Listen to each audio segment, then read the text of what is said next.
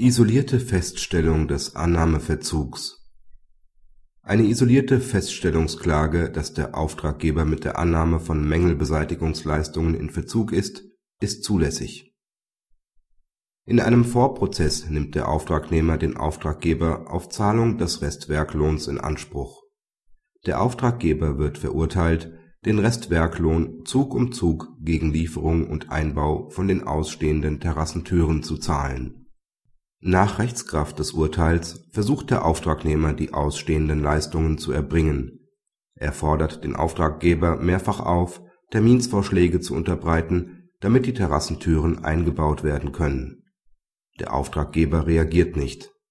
Nach § 756 Absatz 1 ZPO kann aber aus dem titulierten Werklohnanspruch nur dann vollstreckt werden, wenn der Auftragnehmer den Beweis führt dass der Auftraggeber mit der Annahme in Verzug ist.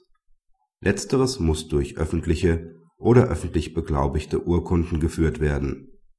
Daher besteht ein Rechtsschutzbedürfnis auf Erhebung einer isolierten Feststellungsklage, dass der Auftraggeber in Verzug ist.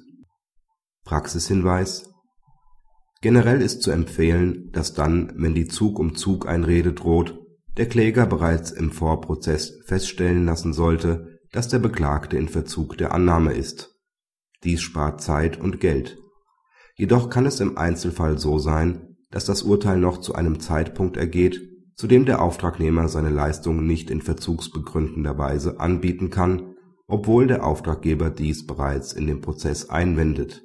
In der Regel sollte er aber bei Drohung der Zug-um-Zug-Einrede jede Möglichkeit wahrnehmen, noch während des Prozesses vor der letzten mündlichen Verhandlung die Anforderung an den Annahmeverzug herbeizuführen